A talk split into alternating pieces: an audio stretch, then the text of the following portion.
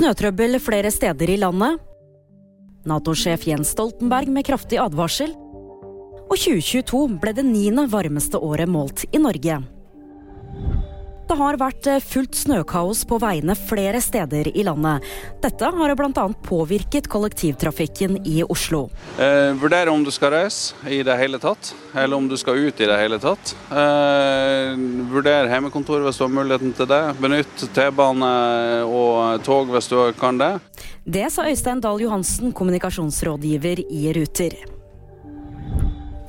Våpen er veien til fred i Ukraina. Det sa Nato-sjef Jens Stoltenberg under NHOs årskonferanse i sin første tale i 2023.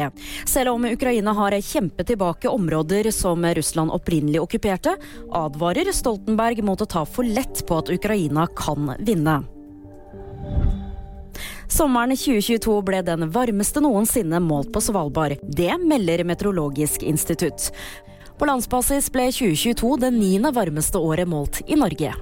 Det var VG nyheter, og de fikk du av meg, Julie Tran.